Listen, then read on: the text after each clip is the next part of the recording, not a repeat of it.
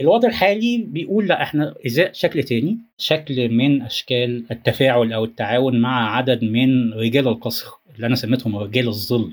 لكل مجموعة من دول طريقة في تلقي الأوامر وطريقة في تسلسل القيادة. إحنا مش بنشتغل من أجل المال إحنا بنشتغل من أجل هدف أخلاقي. فإحنا نشبه نبلاء العصر القديم. فيجب أن يتبعنا الجميع. إحنا نرى أفضل إحنا ننظر للأمور بشكل أفضل. فمش من حق حد إن هو يعارضنا. هي أزمة كيف نصيغ رؤيتنا للعالم. نورط الدولة أو نورط الحكومة بشكل مباشر. إحنا عايزين حاجة كده في الظل حاجة كده رمادية. إذا فإحنا إزاء شخص قدم العقيدة لمجموعة من الناس كانوا يبحثوا عنها يستحق اللقب اللي تم إطلاقه عليه وهو أخطر فيلسوف العالم.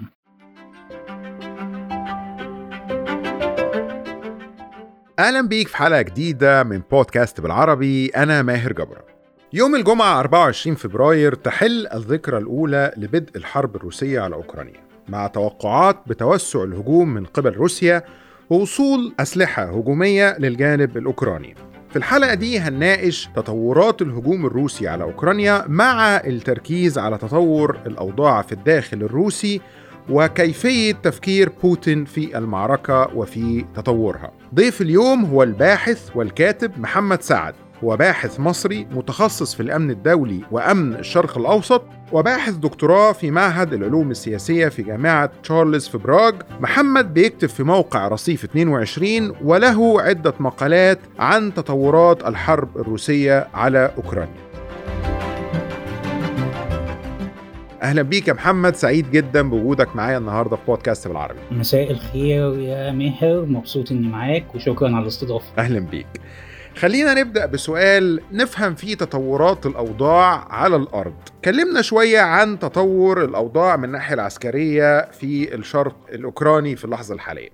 إحنا إذا شكل مختلف اختلف عن بداية العملية العسكرية زي ما الروس بيحبوا يقولوا. أو الحرب زي ما العالم بيحب يقول. إحنا بدأنا الحرب بشكل كان في هجوم شامل شامل للعاصمة وكبريات المدن الأوكرانية وكان في محاولة من روسيا إلى اللي ممكن نسميه قطع رقبة أو قطع رأس الدولة الأوكرانية. الكلام دوت حصل في هجوم على كييف وكبريات المدن. وكان الهدف من كده إن يتم إحلال نظام موالي روسيا والتخلص من نظام الرئيس فلاديمير زيلينسكي. الإمكانيات المبدئية للمعركة أو طموحات الروس كانت أكبر بكتير من إمكانياتهم فبدأ الروس إن هم يعدلوا في تكتيك المعركة بعد الهزائم الأولية واضطرارهم للانسحاب من محيط كييف.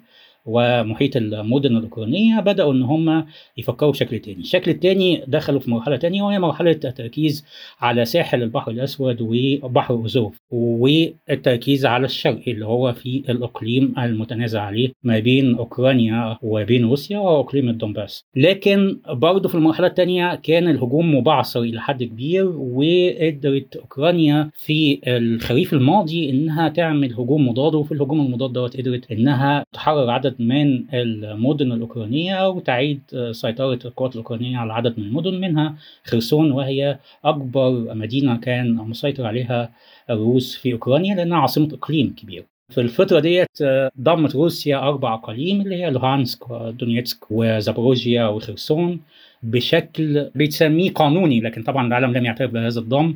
هو كان ضم غير قانوني لكن روسيا قالت إن هذه الأراضي أراضي تابعة ليها طبقا لاستفتاء يعني طبقا لاستفتاء يعني في كلام حواليه كتير. بالظبط آه لكن غير معترف به دوليا لكن آه يعني ده كان محاولة روسية إلى رفع مستوى التهديد لأن كون إن هذه الأراضي أراضي روسية قد يرفع مستوى التهديد بشكل كبير لأن إزاي هنستخدم الأسلحة النووية بيقول أول ما يتم تهديد أراضي روسية فإن إحنا نضم هذه الأراضي كان شكل من أشكال التخويف أو التهديد اللي مش موجه بس لأوكرانيا ولكن كان موجه لحلفائها. لكن اللي حصل إن بعد هذا الضم حصلت المفاجأة إن أوكرانيا عملت عملية مضادة واللي نقدر نسميه هجوم مضاد وقدرت إنها تستعيد عدد من الأراضي لكن الوضع الحالي بيقول لا إحنا إزاء شكل تاني الشكل دوت بيتكلم حوالين تركيز الهجوم بعد ما كان مبعث أصبحنا بنتكلم على هجوم مركز فقط على الشرق أقليم الدونباس تحديدا وخاصة الجمهوريتين اللي بنتكلم عنهم وهم دونيتسك ولوهانسك وتحديدا الآن التكتيكات الروسية بتعتمد على رقم واحد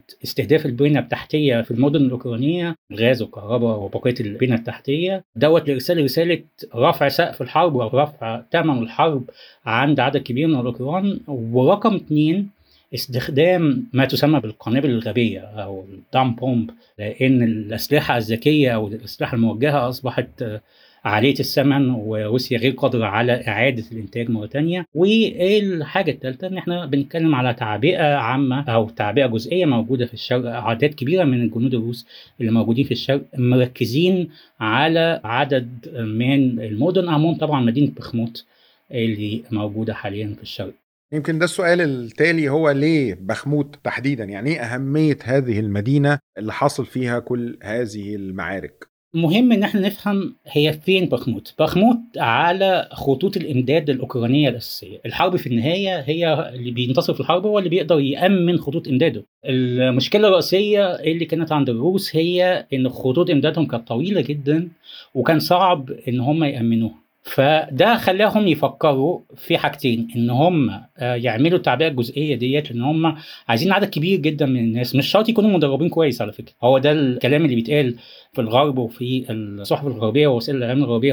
هم مش مدربين كويس هم فعلا مش مدربين كويس لكن الأعداد الكبيرة من هؤلاء ممكن بتخلي إنها تحمي خطوط الإمداد اللي معتمده في الأساس على السكك الحديدية. بخموت موجودة على تقاطع مهم بالنسبة لخطوط الإمداد الأوكرانية على الناحية الثانية السيطرة عليها هيؤدي للسيطرة على أهم طريق لتقاطع خطوط الإمداد.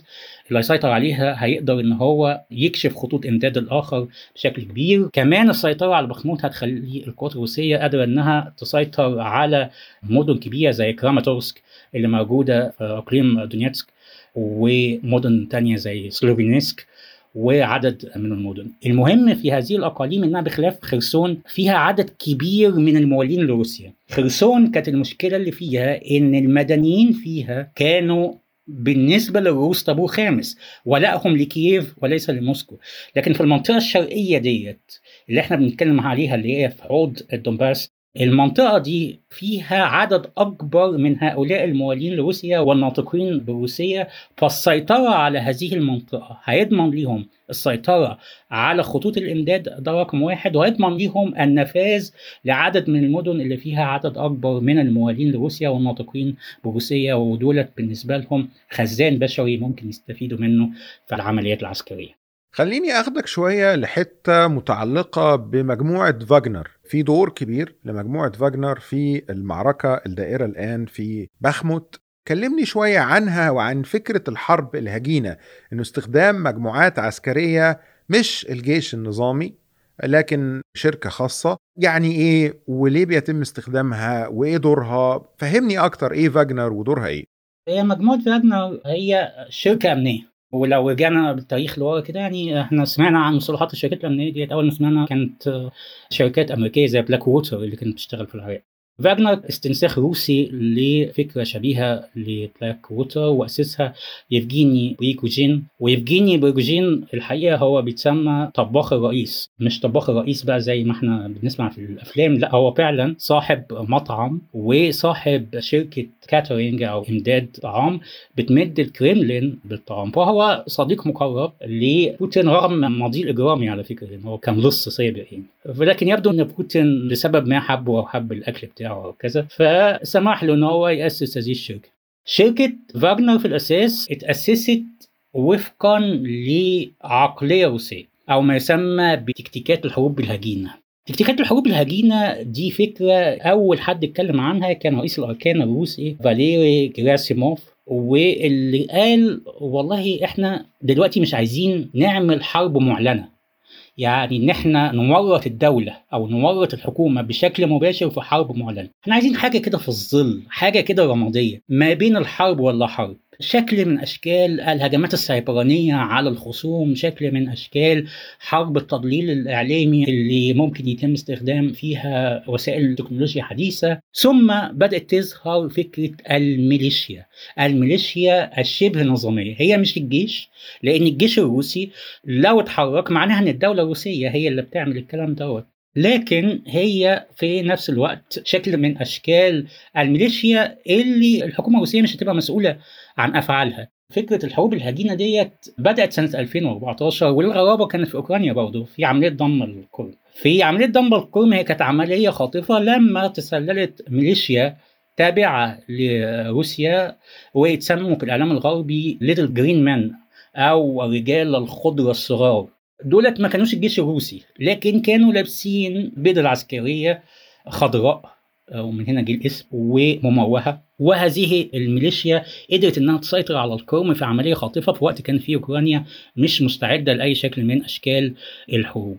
بعد كده تم تطوير الفكرة إن الراجل طباخ الرئيس دوت يفجيني بريجوجين عرض إن هو يعمل يستخدم الفكرة ديت في إن هو يعمل فاجنر فاجنر اشتغلت أول ما اشتغلت في الشرق الأوسط للمفارقه يعني اشتغلت في سوريا أول ما سمعنا عنها بكثافة يعني. اشتغلت في سوريا ثم بعد كده راحت ليبيا ثم بعد كده هي موجودة في إقليم الساحل والصحراء في مالي وفي النيجر وفي أفريقيا الوسطى وعملوا نجاحات في الأماكن ديت. في أوكرانيا بعد البداية غير المبشره للجيش الروسي الرسمي تم الاستعانة بكثافة بفاجنر وفاجنر هنا استعانت بمجموعة من المجرمين المدانين بأحكام قضائية.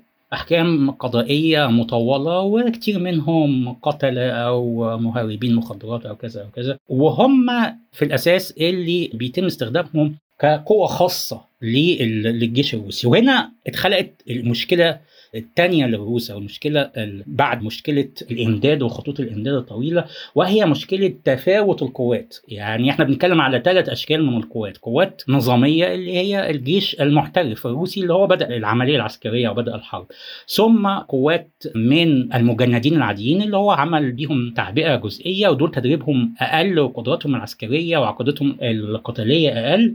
ثم مجموعة فاجنر وهي دي تعتبر حاليا الصفوة في الجيش الروسي. لكل مجموعة من دولت طريقة في القتال وطريقة في تلقي الأوامر وطريقة في تسلسل القيادة مما أدى إلى مشكلة. ودي مشكلة حتى اللي اتكلم عنها بيجوشين مؤخرا لما قال إن اللي بيأخر السيطرة على بخموت البيروقراطية العسكرية اللي موجودة في الجيش الروسي. إذا فإحنا إزاء تضارب ما بين ثلاث أشكال من القوات العسكرية. طب خليني أخدك لحتة تانية وهي إنه الرئيس الأوكراني بقاله فترة طويلة بيطالب حلفائه في الغرب إنه يتم تزويده بمعدات هجومية أو معدات قتال هجومية سواء دبابات أو طائرات أو إلى آخره. في بعض الحاجات هتوصل خلال مارس وإبريل ويعني عايزك تديني تفاصيل أكتر عنها. دبابات هتوصل من أمريكا ومن أوروبا. عندي سؤالين في رأيك إزاي ده هيغير ميزان القوى العسكرية على الأرض وليه كان هناك تردد في هذا الأمر؟ وشوية آه وبعدين لأ. يعني كان واضح في تردد عند الحلفاء بتزويد زيلينسكي بهذه الأسلحة اللي هو طالبها. الأسلحة ليها طابعين في أسلحة هجومية وأسلحة دفاعية.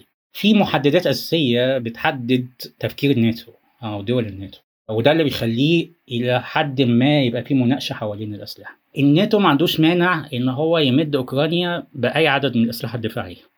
زي إيه الأسلحة الدفاعية؟ زي أنظمة الصواريخ باتريت مثلا وهي صواريخ اعتراضية يعني هي ليس من شأنها إنها تشن هجوم على الأراضي الروسية هي هتعترض الصواريخ الروسية. زي ناقلات الجند برادلي مثلا أو المدرعات برادلي. لكن المشكلة بتبدأ لما أوكرانيا بتبدأ تطالب بأسلحة هجومية.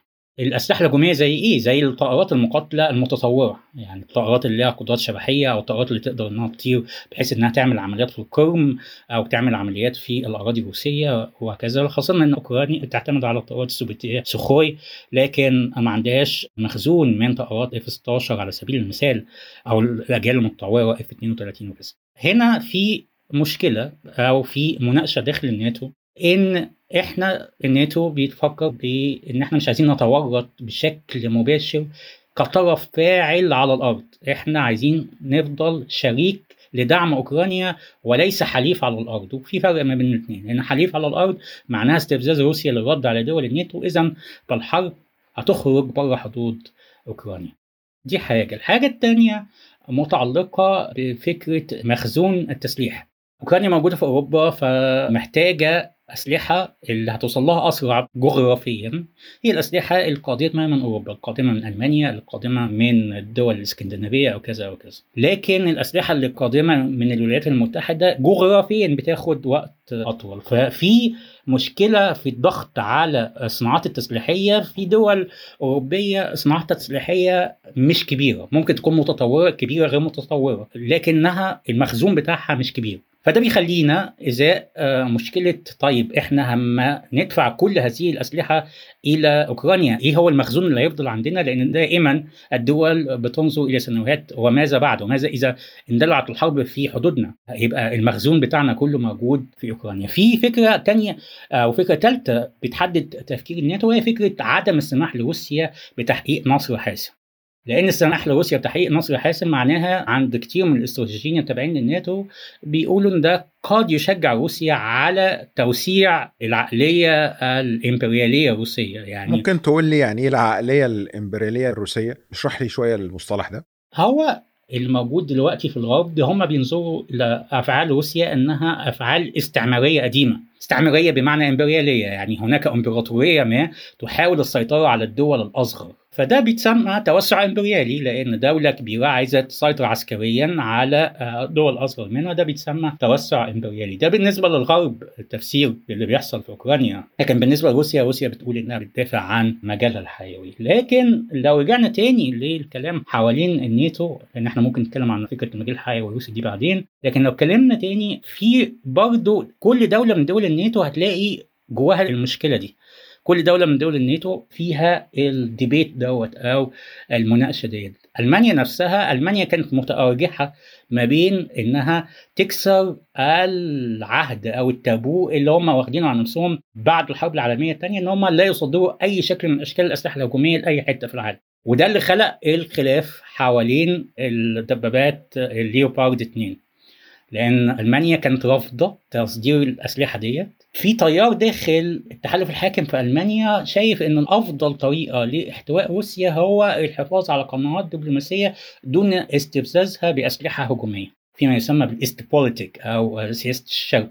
ودي سياسة قديمة كانت بتتبعها ألمانيا الغربية ثم ورثتها ألمانيا الموحدة. إقامة علاقات تجارية وإغراق روسيا في علاقات تجارية ده أفضل طريقة للحفاظ على علاقات جيدة مع روسيا وإحتواء توسعها. ده اللي خلق المشكلة. بعد كده إحنا كنا بنسمع حتى هم عملوا اجتماع في قاعدة ألمانية أو قاعدة أمريكية في ألمانيا دول الناتو واتكلمت حوالين فكرة الأسلحة شكل الأسلحة إيه التسليح اللي هيروح لأوكرانيا. الكل اتفق على إن هم هيبعتوا صواريخ دفاعية. الكل اتفق على نقل مدرعات ونقلات جند. لكن كان بدأ خلافين. الخلاف الأول الدبابات مين اللي هيبعتها؟ مين اللي هيرسل هذه الدبابات؟ وإيه شكل الدبابات دي؟ ألمانيا كانت رافضة ثم بعد ضغوط ودوت هيرجعنا برضو إن القرارات في دوائر صنع القرار الغربية مش حاسمة. ألمانيا تعرضت لضغوط فوافقت على إنها ترسل دبابات ليوبارد 2 وهي كان أفضل حل. والولايات المتحدة تعهدت بإرسال كمان الدبابات إبرامس وكان الولايات المتحدة قالت إن الدبابات ديت هتاخد وقت طويل على لما توصل أوكرانيا. دي حاجة والحاجة الثانية متعلقة بتاخد وقت في التدريب. في كمان طلب تاني طلبه زلينسكي وهو إمداد أوكرانيا بصواريخ بعيدة المدى. صواريخ هجومية بعيدة المدى. لأنه يريد استهداف قواعد عسكرية روسية في القرم ويريد على حسب تعبيره تحرير القرم من الاحتلال الروسي. فده خلق المناقشة الثانية بعد الاتفاق على الدبابات بقينا دلوقتي بنتكلم حوالين هل هنبعت طائرات قتالية بريطانيا رفضت؟ وبولندا أكثر المتحمسين لدعم أوكرانيا للغرابة رفضت إرسال طائرات هجومية لأوكرانيا لأنها شافت إن ده قد يكون شكل من أشكال الاستفزاز لروسيا. وبريطانيا قالت إن دوت ممكن يستهلك وقت طويل في التدريب على الطائرات دي. وأنا كنت أظن إن فكرة التدريب ديت أحد الحجج اللي بتستخدمها الدول لتسويف الأمر ومحاولة احتواء روسيا أو عدم استفزاز روسيا. الجزء الآخر من السؤال هو إزاي وصول الدبابات دي في مارس أو إبريل ممكن يغير من توازن القوى العسكرية على الأرض آه يعني هو ده ممكن يرجعنا للجزء الأول من المعركة ما الجزء الأول من المعركة اللي سبب الزخم الأوكراني بعد فترة من الزمن هو المدرعات الغربية والمدرعات الأمريكية والصواريخ المضادة للمدرعات الأمريكية وهي صواريخ موجهة واللي عملت مذبحة للدبابات الروسية إنجاز التعبير. ده أدى إلى اختراق الدفاعات الروسية اللي كانت موجودة حوالين كييف واللي كانت موجودة في خرسون واللي كانت موجودة في أماكن كتير. والدفاعات في الوقت ده كانت دفاعات بتسمى بدفاعات ثين ديفنس يعني خطوط دفاع صغيرة لأن أعداد الجنود وقتها ما كانش حصلت التعبئة الجزئية كان أعداد القوات الروسية ما كانش كبير فكان سهل بعد جر الدبابات الروسية إلى معارك جانبية واستهدافها بالصواريخ المتطورة الأمريكية والبريطانية ده أدى إلى تغيير موازين الحرب في الخريف وحصلت الانتصارات الأوكرانية الكبيرة اللي إحنا سمعنا عنها. لكن ده مش الحال دلوقتي لأن بعد التعبئة الجزئية أصبح هناك أعداد كبير من الروس الموجودين في منطقة صغيرة هي الجبهة الشرقية فده خلى الأمور أصعب نسبيا. ولكن وصول أسلحة هجومية تحديدا بخلاف المدرعات يعني لو قدرت أوكرانيا تقنع دول الناتو إنها تمدها بطائرات هجومية متطورة وقدرت إنها تقنع دول الناتو إنها تمدها بصواريخ بعيدة المدى أنا أظن إن المسألة هتخلينا نشوف شكل تاني من الهجوم المضاد الأوكراني أو موجة تانية من الهجوم المضاد الأوكراني اللي في كلام عليها إنها هتحصل في الربيع. إن أوكرانيا تنتوي أن تقوم بهجوم مضاد في الربيع بعد وصول عدد من الأسلحة الهجومية. لكن ده هيتوقف على إيه هي طبيعة الأسلحة الهجومية؟ لأن إحنا لسه لغاية دلوقتي إحنا مش عارفين إيه طبيعتها. وهيتوقف برضه على حاجة تانية لأن إحنا بعد ما تحصل هذا الزخم وقد تحقق أوكرانيا مجموعة من المكاسب فيما يسمى بالهجوم المضاد في الربيع. الزخم ده هيترد عليه من الروس بزخم مضاد وممكن نشوف شكل من أشكال التعبئة الشاملة ونشوف شكل تاني من أشكال توسيع الحرب. فاختصارا آه الأسلحة الهجومية هتساعد أوكرانيا في شان هجوم مضاد وتراجع روسيا نسبيا لكن لن تساعد في حسم الحرب بشكل كامل في الشهور القليلة القادمة.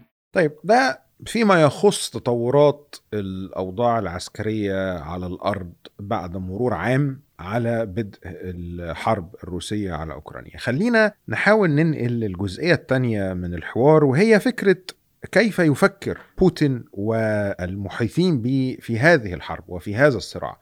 أنت ليك مقال أنا أعتبره مقال متميز جدا نشرته في رصيف 22 بعنوان رجال الظل رحلة غير آمنة داخل العقل القومي الروسي. اتكلمت فيه عن الدافع للحرب بشكل مختلف. يعني عادة انت بتشوف الكلام عن دافع الحرب من وجهتين نظر. وجهة النظر الأولى هي الناريتيف أو ما تتبناه الولايات المتحدة وأوكرانيا ودول الغرب إنه بوتين بيغزو أوكرانيا وإنه ده صراع ما بين الديمقراطيات والديكتاتوريات. من الناحية التانية بوتين بيقول لأ الموضوع كله متعلق بالتحاق أوكرانيا بالناتو وإن أنا بحاول أمنع ده.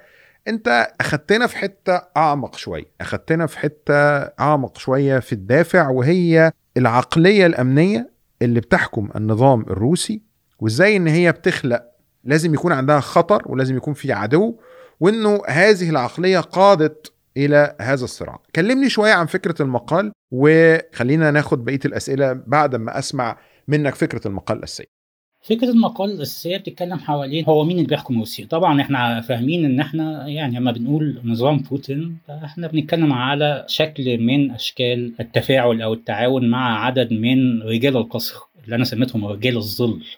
مين هم اللي في الظل؟ إحنا شايفين بوتين شايفين أو النبلاء الجدد كما أطلقت عليهم. آه, آه أو النبلاء الجدد. هم أطلقوا على نفسهم بالمناسبة يعني. يعني حتى هذا المصطلح هم اللي استخدموه. هؤلاء مجموعة بيسموا نفسهم أو العالم عرفهم باسم سلوفيكي وده كلمة روسية بمعنى يعني اختصارا كده للعاملين في الأجهزة الأمنية الروسية. هم مش سياسيين بطبيعتهم يعني مش ناس جايين من أحزاب سياسية كانوا بيتنافسوا زي ما إحنا بنسمع في الغرب كده حزب المحافظين وحزب العمال حزب الجمهوري والحزب الديمقراطي وكذا وكذا. لا هم مجموعة من رجال الأمن ورجال المخابرات القادمين من الأجهزة الأمنية.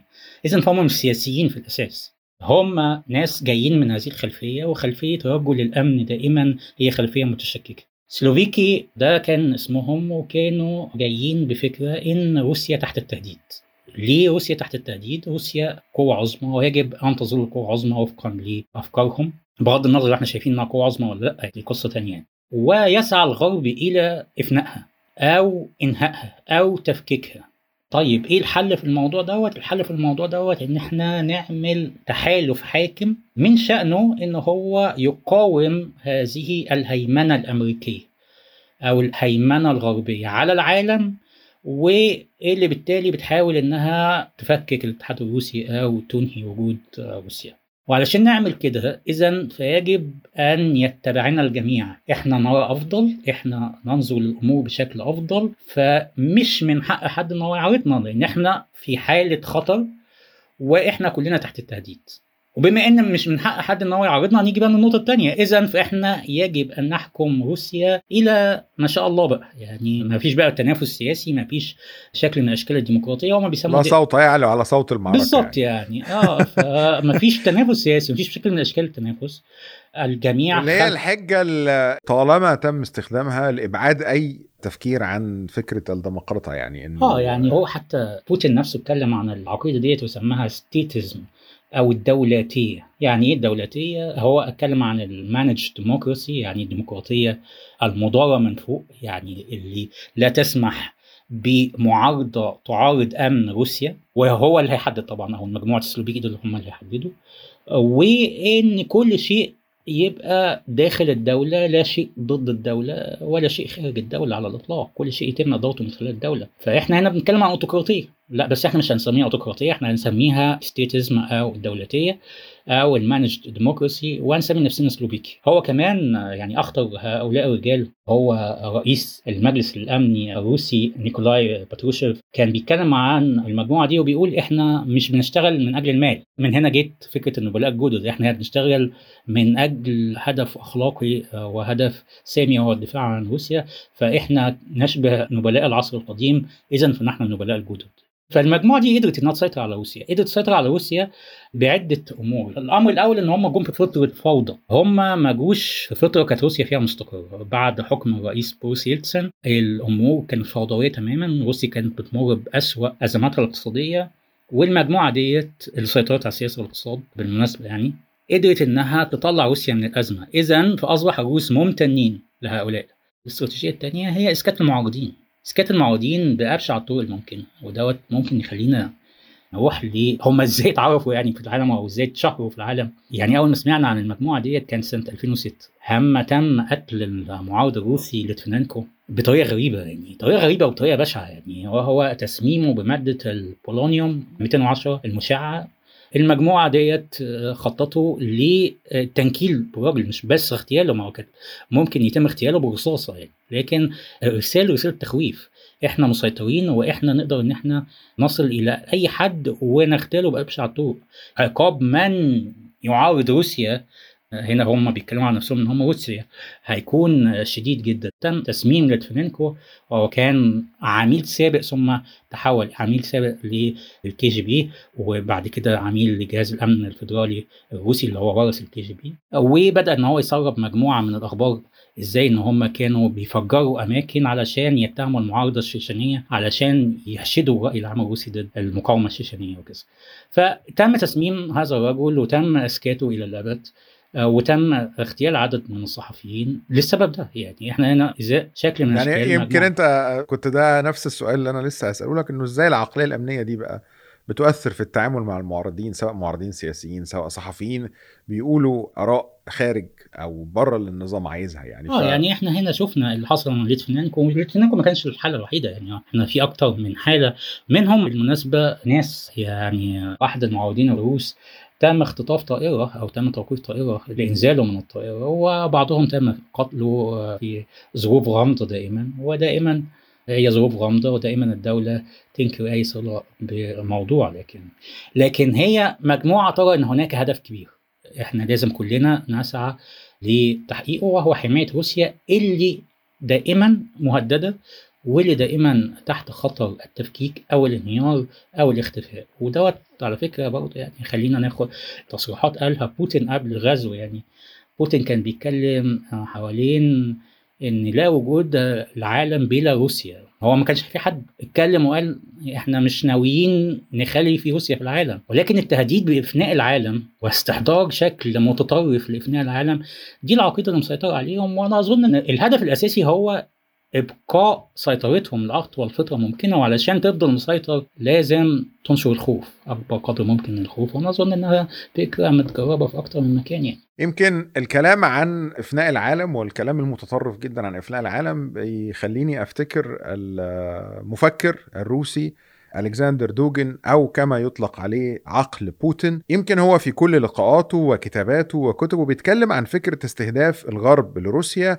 وعن إن روسيا بتقف أمام الغرب بالنيابة عن العالم. ممكن تكلمني أكتر عن دوجن وعن أفكاره رايك فيها يعني؟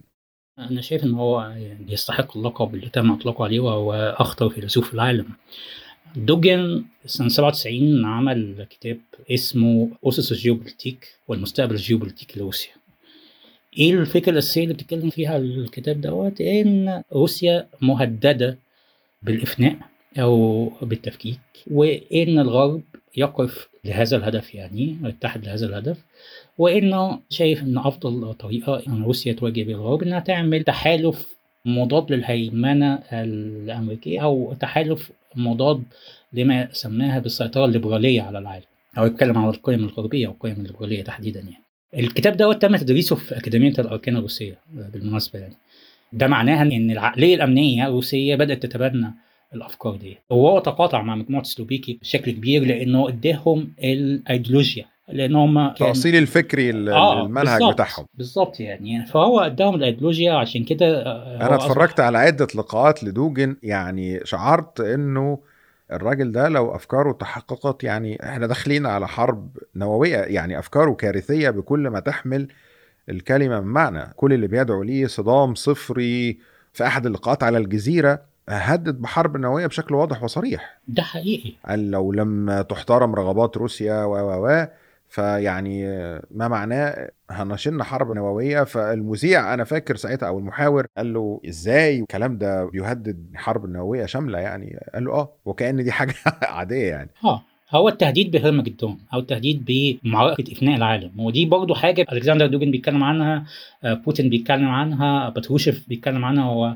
الراجل الخطير اللي هو رئيس المجلس الامني الروسي شويجو وزير الدفاع. كل دول برضه من جزء من مجموعة السلوفيكي هو معركة هرمجدون لافناء العالم. يعني فهنا برضه هتلاقي إن جزء من أفكار ألكسندر دوجن إن روسيا ليها سلطة أخلاقية. يجب أن تتدخل اخلاقيا لحماية الثقافة الروسية من الإفناء. وده اللي خلاه إن هو يبشر بما يسمى بحتمية الحرب ضد أوكرانيا. وهو كان شايف إن الحرب يجب أن تحدث لأن روسيا مطالبة اخلاقيا إنها تدافع عن الناطقين بالروسيه في الشرق الأوكراني. وان ما يحدث من محاولات انفصالية في الشرق الأوكراني هي ربيع روسي على غرار ما يسمى بالربيع العربي وكذا وكذا. هو سماه ربيع روسي وإن دوت أطلق الروح الروسيه فيما سماه نوفوروسيا أو روسيا الجديدة. روسيا الجديدة ديت اللي مش روسيا نفسها لكن هذه المجموعات العرقية اللي موجودة في شرق أوكرانيا ومجموعات الانفصالية في شرق أوكرانيا. اذا فاحنا ازاء شخص قدم العقيدة لمجموعة من الناس كانوا يبحثوا عنها لتفسير عدوانيتهم أو لتفسير رغبتهم في التوسع أو في منع دول من اتخاذ قرارات بالانضمام للناتو من عدم. كلمني شوية عن استراتيجية الغزال الشارد. أنت اتكلمت عن الفكرة دي في أحد مقالاتك بخصوص تعامل النظام الروسي أو بوتين مع الدول اللي عندها تطلعات في الانضمام للناتو.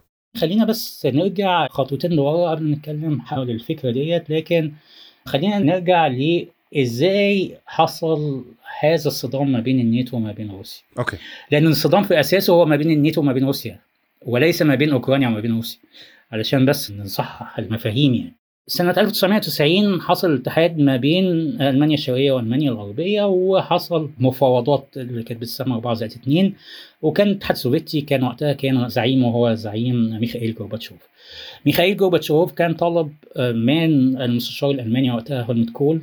ووزير الخارجية الألماني آه، وقتها كان هانز ديتريش جينشر لو أنا متذكر يعني ووزير الخارجية الأمريكي جيمس بيكر إن هم يتعهدوا ألا يتمدد الناتو ما بعد ألمانيا الشرقية. خلاص ألمانيا الشرقية انضمت لألمانيا الغربية وخلاص هما الاثنين بقوا في الناتو.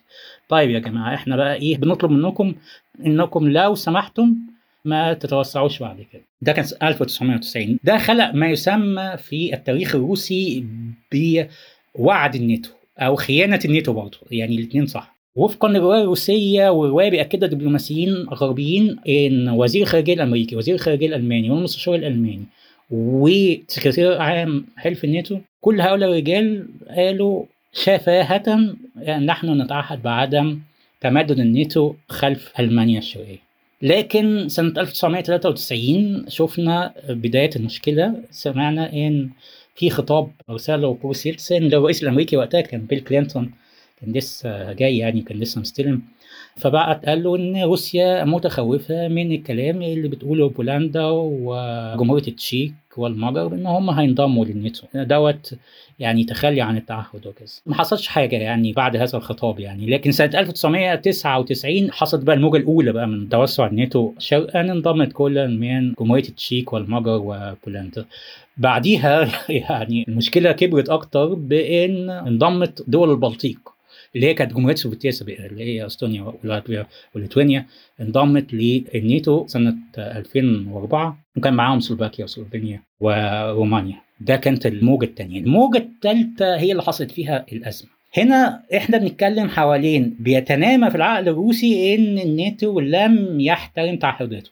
رد الناتو رد دبلوماسيين غربيين إن هذا التعهد كان للاتحاد السوفيتي ولم يكن لدولة وريثة ليه. إلى جانب إن هو لم يكن تعهد كتابي اذا فهو ليس تعهد على المستوى المؤسسي. ده تعهد بين مجموعة من الرجال كانوا قاعدين وبيتكلموا في مناقشات جانبية ولم تكن مناقشات أصلية يعني أو مناقشات رسمية. سنة 2007 اتكلم بوتين عن الأمر دوت.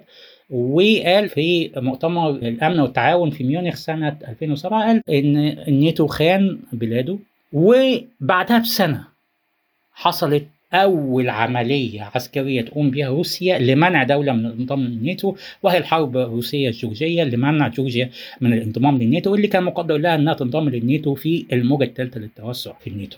في العملية العسكرية ديت قدرت روسيا إنها تمنع جورجيا من الانضمام للناتو وارسلت رسالة للناتو إن ممنوع الاقتراب والتصوير هذه منطقة نفوذ روسيه.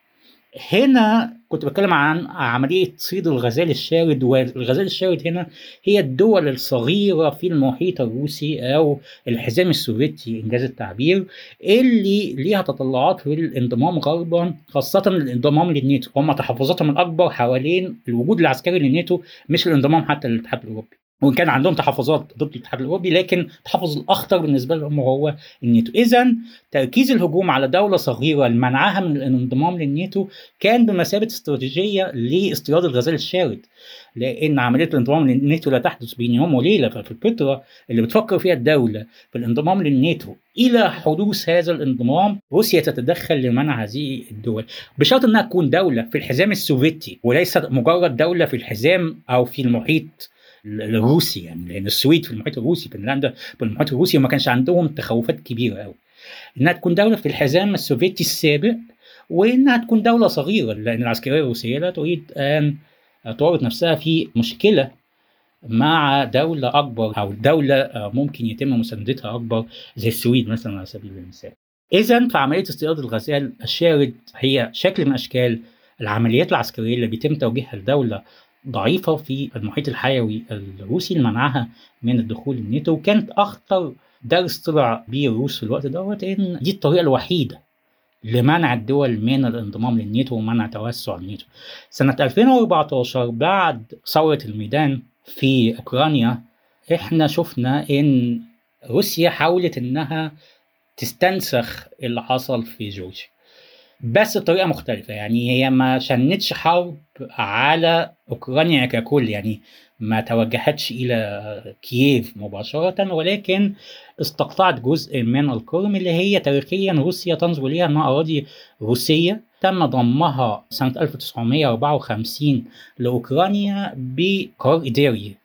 ده اللي بيتقال في روسيا وروسيا شايفة إنها أراضي روسية وروسيا انتزعتها في حرب مع الدولة العثمانية في القرن ال 18 إذا فروسيا دفعت فيها ثمن غالي فيجب أن تعود. كل لما تتمرد أوكرانيا كانت روسيا بتفكر إنها تعاقبها وكان أسهل طريقة العقاب كان ضم القرم ومن هنا بدأت تتطور في العقلية الأمنية الروسية إن إحنا أفضل طريقة للهجوم أو أفضل طريقة لمنع الدول من الانضمام للناتو هي عملية عسكرية تمنع الدولة ودوت اللي اتكرر بقى في الحرب اللي إحنا بنتكلم عنها حاليا.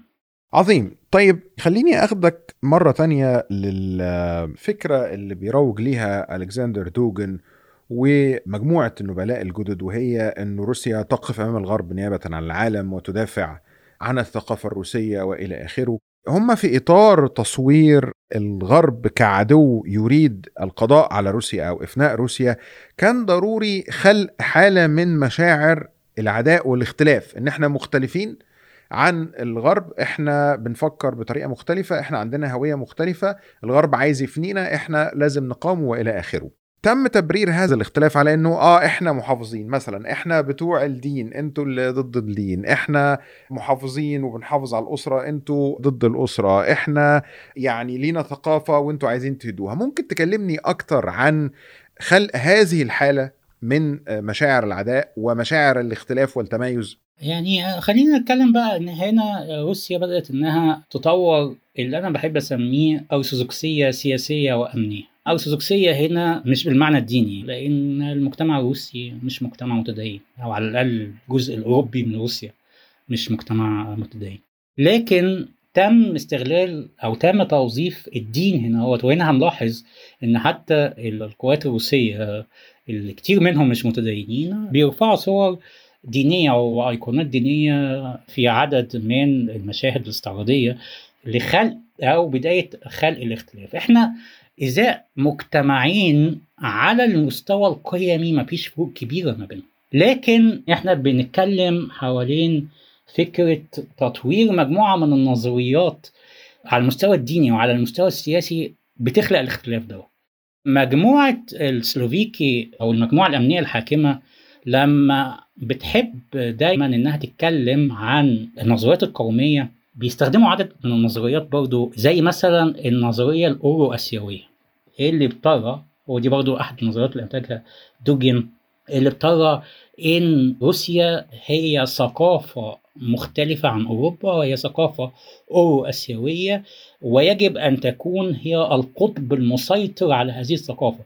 وإحنا إزاء عالم متعدد الأقطاب ويجب أن نعمل على كسر الهيمنة الأمريكية والغربية فإذا فإحنا يجب أن نكون لنا شكل من أشكال الثقافة المختلفة أو الثقافة الأورو متوسطية. وفي كمان نظرية تانية عملها أو أتكلم عنها وهي برضه أحد نظريات المؤامرة الشهيرة لكن بيتم استخدامها بكثافة حتى من الرئيس بوتين نفسه هي نظرية المليار الذهبي. وفي نظرية المليار الذهبي وهو مصطلح سيكونوف وهو برضه يعني كاتب ومفكر روسي بيقول إن هناك مليار شخص في العالم اللي ساكنين في الغرب هم اللي بيتمتعوا بثروات العالم وهم اللي بيسرقوا خيرات العالم. وعلشان يحصل عدالة توزيع لازم بقية الستة مليار البشرية سبعة مليار وشوية بقية الستة مليار يقفوا ضد هذه الهيمنة. وإن هم يقفوا بقى ثقافيا ويقفوا اقتصاديا ويقفوا كذا وكذا وكذا لأن أو 7 مليار إحنا 8 مليار دلوقتي. آه يعني هو 7 مليار بالظبط كده. فالمليار الذهبي المهم إن هو بسبب نظريه المليار الذهبي ترى إن هؤلاء الناس بيسرقونا ومختلفين عننا. فإحنا يجب إن إحنا نواجههم. لكن كان في مشكلة بتواجه الروس الحقيقة يعني وهي إن هم قيميا على مستوى القيم الاجتماعية مش مختلفين كتير عن الغرب. يعني إحنا لو دققنا القيم الاجتماعية الروسية وقيم الأسرة تقريبا هي القيم الغربية يعني ما, ما فيش اختلافات كتير. لكن بدأوا إن هم يركزوا هجومهم في الغرب حوالين ما يسميه بالليبرالية التدميرية أو الفردانية اللي بتقول وفقا لنظرياتهم إنها تهدف إلى تحطيم الأسرة بنشر المثلية الشكل دوت من الثقافة ينتشر في العالم فتتحطم الأسرة فدوت يؤدي إلى أزمات كبيرة للبشرية ويظل المليار الذهبي يسيطر على العالم. إذا فإحنا إزاء شكل من أشكال إن إحنا كمجموعة سلوفيكي جايين بندور على الاختلافات ولو ما لقيناش الاختلافات إحنا هنخلقها؟ أو هنصدرها للمجتمع أو هنروج نظريات مؤامرة تخلينا في الآخر آه، تؤجج الصراعات. بالظبط كده بالظبط يعني. هو في الآخر هي نظريات تخلق الخوف داخل المجتمع وتخليه دائما يشعر إن هو تحت التهديد من آخرين مش بس تهديد لكن لازم يكون من آخرين مختلفين عنه. فلو هم ظاهرين كده مش مختلفين عنه يبقى نخليهم مختلفين أو نشوف نظريات تخليهم مختلفين. الملفت للنظر في الكلام ده إنه اللي حاصل بقاله سنة من منذ بداية الهجوم الروسي على أوكرانيا هو أنه روسيا فعلا بتنعزل. يعني علاقاتها بالعالم وبالذات بالغرب وتحديدا بدول أوروبا تأثرت بشكل سلبي رهيب جدا منذ بداية الحرب. فكأنها يعني أشبه بنبوءة ذاتية التحقيق. يعني أنت بتقول أنا في صراع مع العالم. أنت عندك علاقات جيدة. بالعالم انت عملت خطوة هجومية أو فعل هجومي أدى إلى إنه علاقتك أو علاقاتك بالعالم تتأثر بشكل سيء جدا يعني. طيب خليني أخدك لسؤال أخير نختم بيه هذا الحوار. في رأيك طول مدة الحرب على عكس التوقعات الأولية يعني كانت التوقعات الأولية وتحديدا في الداخل الروسي إنه ده الأوكران هيتجاوبوا معانا وان إحنا داخلين نحررهم من نظام زلنسكي وإنهم هيرحبوا بينا وإنه مش هيبقى فيه هذه الخسائر وإنها عملية عسكرية خاصة كما يطلق عليها دائما داخل روسيا. ولكن الأمور ما مشيتش بهذا الشكل. المقاومة كانت عنيفة. الأوكران على عكس كل التقديرات قاوموا مقاومة شجاعة وغير متوقعة حتى من حلفائهم. ويعني في بعض التقديرات الغربية في آه، ما يقرب من 200 ألف قتيل وجريح في الصفوف الروسية بحسب بعض المصادر الرسمية في الولايات المتحدة وفي بريطانيا. تفتكر هذه الخسائر وطول مدة الحرب ممكن يشكل أو ممكن تشكل بداية أزمة لشرعية حكم بوتين أو مشاكل له من الناحية السياسية؟ يعني هل في ثمن سياسي لهذه التكلفة الباهظة للحرب على أوكرانيا؟ مما لا شك فيه إن في ثمن سياسي لكن الثمن السياسي دوت وصل لحد فين إلى الآن يمكن بعد فترة من الزمن الثمن السياسي دوت يرتفع لكن إلى الآن القطاع الأكبر من الشعب الروسي متعاطف مع الروايه الرسميه يعني إنجاز التعبير يعني. ونظرا طبيعة المجتمع الروسي حاليا لأن المجتمع الروسي آه في جيل متمرد. وده بيتسمى في العالم كله Z generation اللي هم رافضين الكلام دوت لأن هم أكتر لبرله وأكتر ميلا للقيم الغربية. الشباب الصغيرين رافضين الكلام دوت لكن مش هم اللي بيديروا المجتمع مش هم اللي متصدرين الصورة. وجيل الآباء وجيل الوسط والجيل الأكبر متعاطف تماما مع بوتين. في عدة أسباب للأمر دوت الأمر الأهم خلينا نطرح هو مين اللي بيحارب تقسيم العرقي للاتحاد الروسي في روس أوروبيين ينتموا عرقيا إلى الرجل الأبيض إنجاز التعبير يعني وفي روس آسيويين من داغستان أو تترستان أو الجمهوريات الآسيوية في الاتحاد الروسي. العبء الأكبر من الحرب بيقع على الجزء الآسيوي من روسيا. العبء الدموي من الحرب ده لا يعني إن الجزء الأوروبي من روسيا لا يدفع ثمن بيدفع ثمن بيدفع ثمن في الأرواح واقتصاديا وكذا لكن العبء الأكبر إلى الآن بيقع على الجمهوريات الآسيوية. وهي جمهوريات صوتها مش مسموع في المركز الروسي. العقلية الأمنية برضو لو رجعنا تاني للعقلية الأمنية بتتكلم على إن روسيا قلب رخو تحيط به مساحات شاسعة من الأرض. اذا القلب الرخو هي روسيا الأوروبية. حتى ما بيتكلم هو ضم كل هذه الجمهوريات وتوسع في كل هذه الجمهوريات لأنها كلها إن لم يكن أغلبها أو أغلبها إن لم يكن كلها تم ضمه بالقوة العسكرية لأن هو يخلق مساحة شاسعة من الأرض تمنع الغزو أو تؤدي لتعطيل الغزو. فهو في الأساس العقلية الروسية متمحورة حول المركز اللي موجود في روسيا الأوروبية. وإلى الآن روسيا الأوروبية لم تدفع ثمن كبير.